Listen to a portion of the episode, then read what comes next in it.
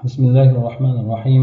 الحمد لله رب العالمين. الصلاة والسلام على أشرف الأنبياء والمرسلين نبينا محمد وعلى آله وصحبه أجمعين. أما بعد فقه الأقليات أصلك طائفنا. shu toifaga aloqador bo'lgan din masalalari nomli kitobni muqaddimasida davom etayotgan edik ya'ni yuqoridagi bo'lgan e, shu mavzuni oqimida islom dinini olamiy bo'lib tarqalishligi bu narsa olloh tomonidan taqdir etilganligi hamda payg'ambar sallallohu alayhi vasallam esa bu hadislar orqali bu narsani bayon qilganligini aytib o'tildi. Endi esa o'sha mavzuni davom ettirib aytadiki sahobalarni ham mana shu ularni zimmasiga tushgan vazifani hop qanchalik ekanligini fahmlaganligi hamda ularni o'sha vazifani qabul qilishligi bu shar'iy takliflar bilan birgalikda kirishib ketgan edi. Ya'ni sahobalar o'zlarini zimmasidagi bo'lgan vazifalarni shar'iy vazifa deb qabul qilishgan edi. Shuning shuning bilan birgalikda bular islomni butun olam tomonlariga ko'tarib borishdi. Bundan maqsadlari odamlarni dunyo torligidan dunyoyu oxirat kengligiga chiqarishlik maqsadi edi. Sahobalar o'sha da'vat yo'llarida har qanday sharoitlarga moslashib yashashlikka qodir bo'ldilar. Ularni bu boradagi holatlari asli islomni o'zini olamiy hamda insoniy mabdalariga bo'lgan aloqasi bilan barobar edi ya'ni bular o'sha qilayotgan holatlari turayotgan holatlari islomni shu olamiy insoniy asoslari bilan bo'lgan holatidan iborat edi. Shundan bular o'sha borgan joylarini o'zlariga vatan qilishdi. Ba'zilari mana madinaga keldi ba'zilari kufaga bordi boshqa boshqa joylarga basra shunaqa qilib shom o'sha diyorlarga borib yashashdi. Bular imkon qadarlarida islomlari bilan yashashdi. Bunda alloh taoloni ushbu oyatini amal qilib yashaganlar. Sizlar alloh taolodan qodir bo'lganlaringizgacha qo'rqinglar. Ya'ni allohni buyruqlarini qodir bo'lganlaringizgacha qilinglar degan mazmundagi oyatdir. Bular o'sha borgan joylarida g'ariblik muammosini his etmadilar. Ha chunki bular islom butun olamiy bo'lib kelganligi uchun o'sha qayerga boradigan bo'lsalar o'sha joyda meni vazifam bor meni o'zimga yarasha shar'iy bo'lgan taklifotlarim bor deb shu masalani ustida ish olib borganlar. Bu o'rinda yana ular e, bir yer bilan bir boshqa yerni o'rtasidagi e, da'vat maydonida da'vat sohasida bir yer bilan boshqa yerni o'rtasini ajratmaganlar ajratishlikka ajratishlikni his ham etmaganlar. Ya'ni albatta falon joyda bo'lish da'vat bo'lishi kerak falon joyda da'vat bu yerga bo'lmaydi degan narsani bular aytishmagan his ham etishmagan. Yerni hammasi alloh taoloniki edi alloh taolo bu yerni bandalardan xohlaganlariga meros qoldirib berardi. Demak bular bir yer bilan bir yerni o'rtasini ajratishmagan bir xalq bilan boshqa bir xalqni o'rtasini ham bir jins bilan boshqa jinsni o'rtasini ham ajratmaganlar. Bularni nazdidagi eng mukarram bo'lgan odam eng taqvodor bo'lgan odam edi. Shuningdek bular ozchilik bilan ko'pchilikni o'rtasini ham ajratmaganlar. Bu yerdagi holatlar demak qudratlar insoniyat imkoniyatlariga aloqador ediki bu ba'zan o'sha sanog'i ozchilik bo'lgan doirada ham bu narsa topilaverardi mukammal holatda topilaverardi. Odam albatta ko'pchilik bo'lishligi shart emas edi dinni qabul qilib din ularni orasida ishlashligi uchun demak ozchilikmi ko'pchilikmi bu yerda farqi yo'q edi. Ba'zida bular bir qabilani borib da'vat qilgan bo'lsa bitta odam ijobat qilardi ba'zilarida esa hamma qabila ijobat qilardi. Demak shunday bo'lgandan keyin ular qabila bilan qabilani o'rtasini ajratishmagan hammasiga teng suratda harakatini sarflayverganlar. Ba'zan e, shunday holat bo'lib qoladiki bir odam yuzta odamni yoki mingta odamni barobarida bo'lib qoladi. Alloh taolo mana bu oyatda aytadiki agar sizlardan yigirmata bir sabrlik toqatlik odam bo'ladigan bo'lsa bular ikki yuzta odamdan g'olib bo'laveradi deb alloh taolo demak islomni avvalida nozil qilgan edi bu oyatlarni. Ya'ni musulmonlar e, jangga chiqadigan bo'lsa yigirmata odam bo'ladigan bo'lsa o'sha ikki yuzta askarni muqobilida bular chekinmasdan bemalol sabr toqat bilan turib jang qilishlari kerak bo'lar edi. Agar undan ziyoda bo'ladigan bo'lsa bularni endi chekinishligi yoki bo'lmasa o'sha jang maydonini tashlab ketishligi uzrlik bo'lardi. Shu sanoqqacha demak ular uchun uzrni avvalda islom avvalida uzr bo'lmagan edi. Bu yerdagi demak g'alaba asosan hmm, askar harbiy g'alabaga chegaralanib qolmaydi. Askarni bir joyga borib turib egallab olishligi bu haqiqiy suratdagi g'alabani ifoda qilmaydi. Balki g'alaba bundan ham ko'ra kengroq uzoqroq bo'lgan masofalargacha cho'zilib boradi. Hattoki hop hazoriy bo'lgan mm, hazoriy madaniy tomondan ma'rifat tomonidan mm, bo'lgan g'oliblikni ham o'z ichiga oladi. Yuqorida bu narsalarni aytib o'tdik. Demak asosiy g'alaba demak madaniyatni madaniyatni ustidan g'alaba qilishligi hamda ma'rifatni g'alaba qilishligida ba'zan bu narsalar adadi ko'pchilik bo'lgan maydonda g'oyib ham bo'lib qoladi. Ba'zan adad bilan harbiy tomondan nima bo'ladiku g'alabaga erishiladiku lekin madaniy tomondan ma'rifiy tomondan emas. Ba'zan aksi bo'ladi mana shu narsasi sahihroq bo'ladi deydi ya'ni asosiy demak e, ma'rifiy madaniy tomondan g'alaba erishishlik mana shu narsa sahiyroq bo'ladi. Har bitta holatda ozchilikmi ko'pchilikmi buni holatlarni o'ziga yarasha fiqhi o'ziga yarasha talab etadigan narsalari bo'ladi. Ehtimol islomni bu dunyoga yoyilib g'olib bo'lishligiga yordam bergan narsalardan hamda islomni hamma o'rinlarda ham borlig'ini qilib bergan kafil bo'lib bergan narsalardan bu islomni qabul qilishlik yoki islomga iymon keltirishlik insoniy bir ixtiyor deb e'tibor qilganligidir. Ya'ni islomni odamlarga majburan emas balki o'zlarini ixtiyoriga tashlab qo'yib ya'ni xohlagan qavmlar islomni qabul qilgan xohlaganlar esa o'zini dinida qolganligi. Mana shunday inson islom insonni ixtiyoriga tashlab qo'yishligi ham majbur qilmasdan islomni keng miqyosda tarqalishligiga yordam bergan sabablardan bo'ladi. Bu ixtiyor asosan insonni erkinligi irodasi karomatini unvoni bo'lishligi uchundir ya'ni inson o'zini ixtiyori bilan inson aqlli bo'lgan maxluq. Shuning uchun uni majburlashlik emas balki ixtiyoriga tashlab uni aqlini yo'llab qo'yishlik. Mana shu narsani o'zi kifoya qiladi. Alloh taolo bu borada payg'ambar sallallohu alayhi vasallamga aytadilarki aytadiki siz odamlarni ustidan hukmron emassiz. Ularni ixtiyorlari o'zida xohlasin qabul qilsin xohlasin qabul qilmasin. Xohlasin sizga ergashsin xohlasin ergashmasin demak siz ularni ustidan hukmron emassiz ya'ni dinni qabul qilishlik borasida. Yana bu oyat ham keladi. Siz ularni ustidan hukmron emassiz jabbor demak o'shalarni ustidan zo'ravon emassiz. La yana boshqa bir o'rinda dinga majburlashlik yo'q. Din ichida majburlashlik bor lekin dinga majburlashlik yo'q. Farqi demak odam islomni qabul qilishligi ixtiyoriy islomga qabul qilgandan keyin uni amallarini qilishligi ixtiyoriy emas balki majburiy bo'ladi. Farzlarni ado etishligi albatta talab qilinadi qilmagan odamlarni jazo olinadi. Hop bu o'rinda demak hech qanaqangi hukmronliksiz zo'ravonliksiz majburlashliksiz demak insonni ixtiyori o'zida bo'ladi. Alloh taolo musulmon ummatni yoki islomiy jamiyatni hamma jinslar uchun arabmi o'zbekmi o'rismi boshqasi bo'lsin yo hamma irqlar uchun yoki hamma ranglar uchun ochiq qilib qo'ydi. Qaysi bir millat qabul qilishlikni xohlasa qabul qilaveradi. Demak bu bu din islom dini faqat arablarga yoki bo'lmasa boshqalarga chegaralangan emas. Bu bilan esa mana shu dindan irqchilikni millatchilikni hamda bir rang yoki jins yoki geografik makon mana shu narsalarga o'ralib olishlikni bu dindan ketkizdi. Nafiy qildi. Bunday holat esa butun tarixiy madaniyatlarni hammasini holati shuningdek edi.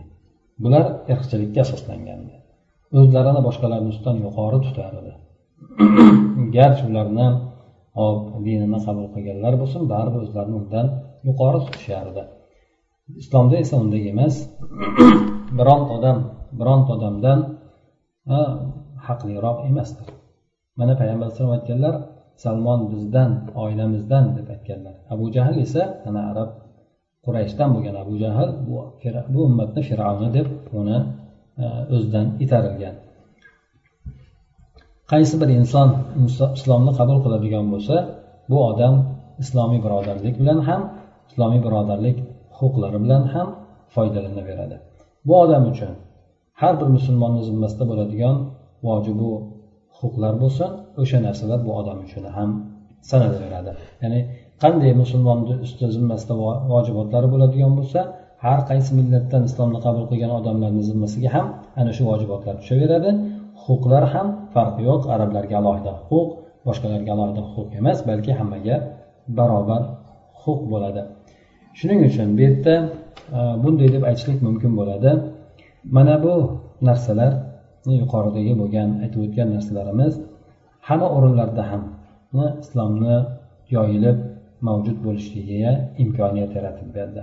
Hamda millatchilik o'zini shunday tor doiraga solib o'ranib olishlik devorlarini sindirib tashladi. Odamlarni esa bir biriga aralashib ketishlik hamda boshqalarga bag'rini ochishlik hamkorlik yana inson mavjud bo'lgan o'rinda hech qanaqangi bir rang bo'lsin jins bo'lsin irq bo'lsin g'urbatlik bo'lsin shunaqa muammolarni boshdan kechirmaydigan bir musulmon odamni keltirib chiqarishlik shu narsalarni paydo qilishlik mana shu narsalarga olib bordi. Yana bu narsa shar'iy taklifotlar bilan. O'zini imkoniyatida bo'lgan toqatlari chegarasida shar'iy taklifotlarni bajaradigan musulmon odamni bo'lishligiga imkoniyat yaratib berdi ya'ni bu dinimizda hamma yerda inson hamma narsani qilishligi talab qilinmaydi balki imkoniyati doirasida qilishligi talab qilinadi. Mana shu narsa ham demak islomni olamiy ekanligi har bir zamon makonga mos ekanligini ifodalaydi mana shunday demak musulmonni yuzaga kelishligiga imkoniyat yaratib beradi. Alloh taolo aytdiki alloh taolo insonga toqatli bo'lgan narsani yuklaydi. Har bir insonni o'ziga toqatiga ya'ni yashab turgan muhiti holatidan kelib chiqib turib o'ziga toqat yetadigan narsalarni yuklaydi. Bu narsa esa islomni inson hamma holatlarida toqatini qanchalik sarflasa o'sha toqatiga yarasha islomni tadbiq qilishligini anglatadi endi. Yana shu islomiy borliqni butun aytaylik islomiy bo'lmagan deb sifatlanadigan diyorlarda islomiy vujudni islomiy vujud mavzusiga aloqador bo'lgan bevosita aloqador bo'lgan masalalardan bu hijrat masalasidir. Demak islomiy bo'lmagan deb nomlanadigan davlatlar mana g'arb davlatlari bo'lsin bu yerda islomiy vujud bor bu yerda. Sababi o'sha hijrat masalasiga borib taqaladi. Bu hijrat ham o'zi aslida jihoddan bir tur hisoblanadi. Hamda o'sha dinimizni ochiq suratda yetkazishlik vazifalarini shu vazifasini lozimotlaridan hamda allohni dushmanlariga qarshi kurashishlik vazifasi lozimotlaridan sanaladi. Biz yuqorida islom risolasini olamiy ekanligiga hamda bu dinni ochiq suratda yetkazishlik vazifasiga ishoralar qilib o'tgan edik. Albatta islom haqiqiy din bo'lmish islomni boshqa dinlarni hammasidan g'olib qilishlik. Da'vatni butun joylarga hamma o'rinlarga da'vatni olib borishlik hamda uni yoyishlik mana shu narsani taqozo qiladi. Demak alloh taolo oyat karimada bu dinni butun dinlarni ustidan hukmron qilishlik uchun g'olib qilishlik uchun yubordi degani albatta o'shanday qilishlik uchun bu dinni hamma joylarga olib borishlik kerak bo'ladi.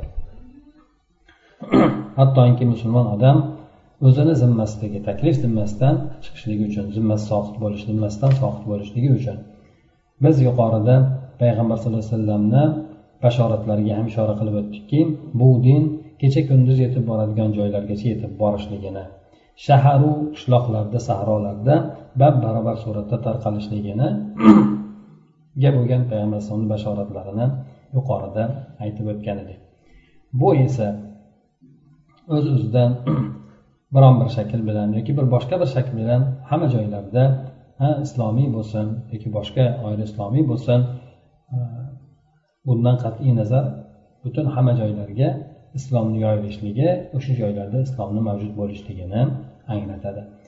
Bu yerda islomiy diyorlar bor. Buni yashayotgan yashovchilarni ko'pchilik e'tibori bilan yoki bo'lmasa yashovchilarni ko'pchiligi e'tibori bilan hmm, islomiy bo'lmagan demak diyorlar bor. Bundan qat'iy nazar. Demak bir joyda musulmonlar ko'pchilik bo'lib yashayotgan bo'lsin ko'pchilikni orasida yashayotgan bo'lsin farqi yo'q. Hamma joylarga qanaqadir bir suratda bu dinni yoyilishligi o'sha joylarda mavjud bo'lishligi shu narsani bu yuqorida aytib o'tilgan hadis shuni taqozo aytadi shuni anglatadi. Shuning uchun shunday deb aytsak mumkin bo'laveradi. Hijrat bu da'vat ham harakatdir. Hijrat bu jihoddir hijrat bu o'sha turib qolgan hamda ifloslanib qolgan voqedan borliqdan kechib o'tib kechib o'tishlikka bo'lgan harakatdir. Yana unumliroq bo'lgan joylarga ko'chib o'tishlik. Ko'proq beradigan joylarga borish e, demak ko'proq beradigan samara beradigan e, joylarni izlab borib o'sha joylarga almashishlik yoki o'sha joyni o'zgartirishlik mana shu narsalarga bo'lgan harakatdir. Men bu yerda o'ylamaymanki deydi hijratda hamma holatlar uchun sobit bo'lgan bitta shar'iy hukmlari bor. Yaxlit bir shar'iy hukmlari bor deb o'ylamayman e'tiqod qilmayman balki har bitta holatda sharoitlarga qarab inson almashadigan holatlarga qarab yoki bo'lmasa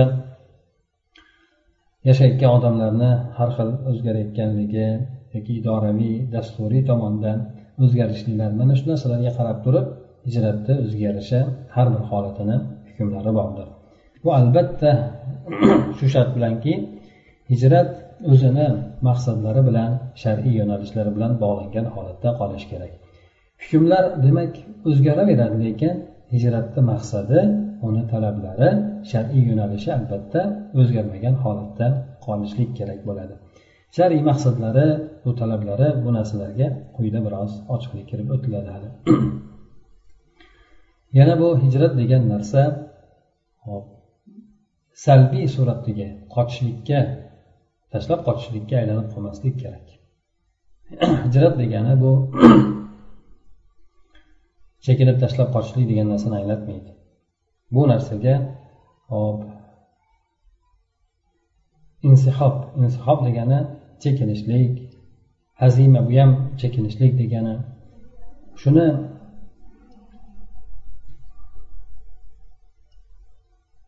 oqlab beradigan hamda mana shuni falsafalari hukmronlik qiladigan demak salbiy suratdagi qochishliklarga aylanib qolmaydi. Ya'ni hijrat degani bu chekinishlik yoki jang maydonini tashlab qochishlik degani emas. Bu hijratni sha'ni bu borada xuddi jihodni sha'ni kabidir. Ya'ni jihodda nima narsalar talab qilingan bo'lsa hijratda ham shu narsalar talab qilingan endi bu o'rinda albatta jihodda o'sha jang maydonini tashlab qochishlik mumkin emasdir. Illo qochishlik mumkin bo'lgan o'rinlar jangni yangitdan boshlashligi uchun bir nafasini rostlab olishlik kuchlarni yig'ib olib yana qaytadan jangni boshlashlik uchun yoki bo'lmasa boshqa musulmonlar jamoasiga borib qo'shilishlik uchun hmm, shu maqsadlarda orqaga chekinsa bo'ladi lekin boshqa o'rinlarda chekinishligi mumkin bo'lmaydi. Alloh taolo oyat karimada aytadiki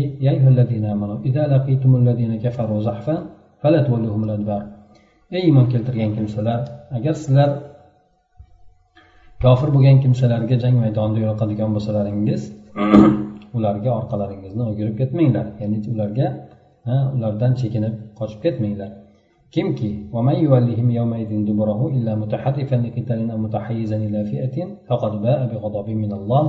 kimki o'sha kunda jang maydoni jang bo'ladigan kunda dushmanga orqasini qilib o'girib ketadigan bo'lsa bu odamlar faqat allohni g'azabiga duchor bo'ladi joyi jahannam bo'ladi bu qandayyam yomon oqibatli joydir deydi. Bunga faqatgina istisno suratda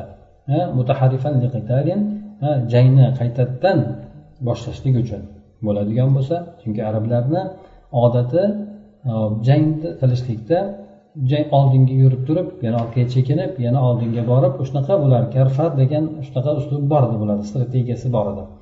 Shunaqa urush qilishardi bular. Oldinga kirib borardi yana orqaga ancha chekinib ketardi ichkarigacha keyin yana qaytadan jang qilardi. Mana shunaqa maqsadda bo'ladigan bo'lsa bo'laveradi. Ha bunda ma'zur bo'ladi inson o'sha jang maydonidan qochadigan bo'lsa yoki bo'lmasa boshqa bir jamoaga qo'shiladigan bo'lsa ya'ni musulmonlar ostiga qolgan qolsa halok bo'lib ketadi. Bular demak boshqa ya'ni jang maydonini tashlab qochib ketib qolishmaydida boshqa jangchilarga borib qo'shilib ularga ular bilan birgalikda yana jangga kirishlik mana shu maqsadda bo'ladigan bo'lsa bunda joiz deb aytilgan. Demak hijratdagi asosiy shar'iy maqsad hmm, bu ollohga qarab qochishlik bo'ladi. Hmm, hijratdagi asosiy shar'iy maqsad olloh tomoniga qarab qochishlik. Bunda farqi yo'q. Ha? Inson e, doirasida bo'ladimi? Darajasida bo'ladimi? Nafs darajasida bo'ladimi? Yoki makon darajasida bo'ladimi? E, bu yerda farqi yo'qdir. Ya'ni bir joydan bir joyga ko'chish kerak bo'ladimi? Yoki inson o'zini joyida turgan holatda bo'ladimi? Hijrat qilishligi mumkin. Rasululloh sollallohu alayhi vasallam muhojirni shunday deb ta'rif berganlar.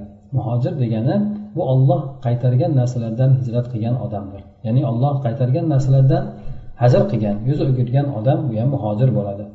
Bu insonni o'z nafsiga aloqador bo'lgan o'rinlar. Garchi u inson o'zini mavqesini o'zgartirmagan bo'lsa ham joyini o'zgartirmagan bo'lsa ham. Chunki bu odam nafsiy bo'lgan hijrat bilan shug'ullanadi. Hm? Gunohlardan chetlanishlik bilan nafsini chetlantirishlik bilan nafsi bilan hijrat qiladi. Bu esa o'sha johiliy bo'lgan saqofiy ma'rifiy voqelikdan o'zini tortishligi shundan chiqishligi ya'ni hop ollohdan boshqaga qullik hukmronlik qilayotgan e, shunaqa butparastlikka asoslangan yoki bo'lmasa johiliyatga asoslangan ma'rifiy maydon voqelikdan e, o'zini tortishlik chiqishlik bilan nafsini ijrat qildirgan bo'ladi. Alloh taoloni mana bu ushbu oyatini amal qilgan holatdaki demak o'sha shirkdan o'sha gunoh bo'lgan ishlardan hijrat qiling hajr qiling shulardan chettaning o'zingizni torting degan mazmundagi oyatdir demak hijrat avvalo hop bir joydan bir joyga bo'lishligidan oldin insonni o'zini o'sha munkar bo'lgan ishlardan o'zini tortishligi mana shu narsa bo'lar ekan. Nima bo'lganda ham demak hijrat degani bu ollohga qarab ketishlik ekan qochishlik ekan. Allohga qarab qochishlik bu inson agar o'zini joyida qoladigan bo'lsa olloh qaytargan narsalar bilan boshqa joyga ko'chishlik kerak bo'ladigan bo'lsa albatta bunda ham olloh uchun o'sha narsani qilishligi kerak bo'lar ekan. Demak alloh taolo o'zi biladigan o'zi biladigan hikmat sababli hamda dinni g'olib qilishlik maqsadida hijratni davrini bayon qilishlik. Ya'ni dinni alloh taolo g'olib qilishlik uchun tushirdimi unda hijratni ham katta roli bor. Shu rolni bayon qilishlik uchun. Hamda musulmon odam o'sha turgan joyida maishatga berilib juda ham kengchilik shu narsalarga berilib ketmasligi. Hamda farovonlikkaja tushib ketib qolmasligi yoki zolimlarni oldida o'zini o'sha joylarga ko'nikib o'rnashib ketib qolmasligi. Mana shu narsalar sababli. Yana hijrat o'zi jumlai mo'tariza qilib aytyaptiki hijrat bu hayot bor ekan hijrat ham bo'ladi. Hayot davom etar ekan hijrat ham davom etadigan holatdir. Modomiki inson tirik ekan albatta hijrat bo'lishligi bordir. Demak o'shandek bir qancha hikmatlar sababli yoki hijrat rolini bayon qilishlik sababli musulmon odam shunaqa holatlarda ko'nikib o'tirib qolmasligi uchun payg'ambar sallallohu alayhi vasallam bu hijratni niyatni xolis qilishlik uchun bir namuna ham qilib aytganlar. Mana aytadiki amallar niyatlarga qarab e'tibor qilinadi. Har bitta kishini o'zi niyat qilgan narsasi bo'ladi. Oqibati ya'ni samarasi har bitta kishiga niyat qilgan narsasi beriladi. Kimi hijrati allohga va rasuliga qarab bo'ladigan bo'lsa ularni hijrati alloh va rasuliga bo'ladi mukofotini alloh o'zi beradi. Kimi hijrati erishmoqchi bo'lgan dunyo sababli dunyo topaman deb hijrat qiladigan bo'lsa yoki bir ayolga uylanaman deb hijrat qilgan bo'lsa ya'ni dunyoviy maqsadda hijrat qilgan bo'lsa bu odamni hijrati o'sha hijrat qilgan narsasini e'tibori bilan bo'ladi deb aytganlar. Demak bunda u odam mana shu dunyoda o'zini mukofotini olgan bo'ladi. Lekin oxiratga qoldirishlik uchun inson alloh va rasuliga qarab hijrat qilishligi kerak bo'ladi.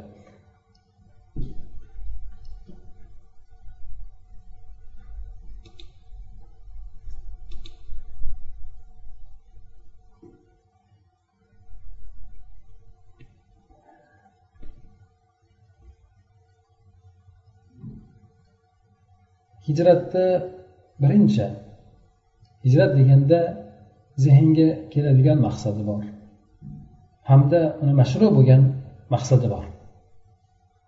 Mashru bo'lgan holati bor. Bu kufr diyoridan shirk diyoridan islom diyoriga qarab ko'chib o'tishlik. Ya'ni hijrat deganda birinchi zehnga keladigan narsa mana shu maqsad bo'ladi. Kufr diyoridan shirk diyoridan islom diyoriga qarab ketishlik yoki bo'lmasa odam dinini fitnalardan olib qochib demak o'sha gunohdan xoli bo'ladigan joylarga qarab olib qochishligi yoki bo'lmasa musulmon odam dinida fitnalanadigan yoki o'sha e'tiqodi sababli ozorlanadigan diyorlardan boshqa xotirjam bo'ladigan diyorlarga ketib qolishligi qochib qochishligi mana shu narsalar demak hijrat degan mana shu narsalar demak zehnga birinchi bo'lib keladi. Mana alloh taolo aytadiki ey iymon keltirgan kimsalar ey banda mo'min bandalarim albatta meni yerlarim keng mengagina ibodat qilinglar dedi. Ya'ni bir joyda torayib qoladigan bo'lsalaringiz imkoniyat topolmay qoladigan bo'lsalaringiz meni yerim keng qayerda bo'lsa ham boshqa joylarga boringlar. Maqsad menga ibodat qilishlik meni ibodatimni ro'yobga chiqarishlik. Bir joyda siqantilik bo'lib qolsa boshqa joyda kengchilik bo'ladi. Shuning uchun o'sha joylarga borib menga ibodat qilinglar degan. Ibn kasir rahmaulloh bu oyatni tafsirda aytganlar aytganki bu narsa bu oyat alloh taolo tomonidan mo'min bandalariga o'sha e, dinini barpo qilishlikka qodir bo'lmaydigan diyorlaridan alloh taoloni keng bo'lgan yerlariga ko'chishlikka bo'lgan hijrat qilishlikka bo'lgan buyrug'idir. Ana o'sha joylarda ya'ni shunday o'rinlarga qarabki musulmon odam o'sha dinini barpo qilishlikka imkoniyati bo'ladi shunga qodir bo'ladi. O'shanday bo'ladigan alloh taoloni boshqa yer keng yerlariga hijrat qilishlikka bo'lgan buyrug'idir deb tafsir qilganlar demak hattoki ana islom bu hijratni shu shu maqsadda bo'lgan shu yuqorida aytib o'tilgan maqsadlarda bo'lgan hijratni do'st tutishlik hamda o'sha do'stlik aloqalariga bog'liq bo'lgan sabab qilib qo'ydi. Aytdiki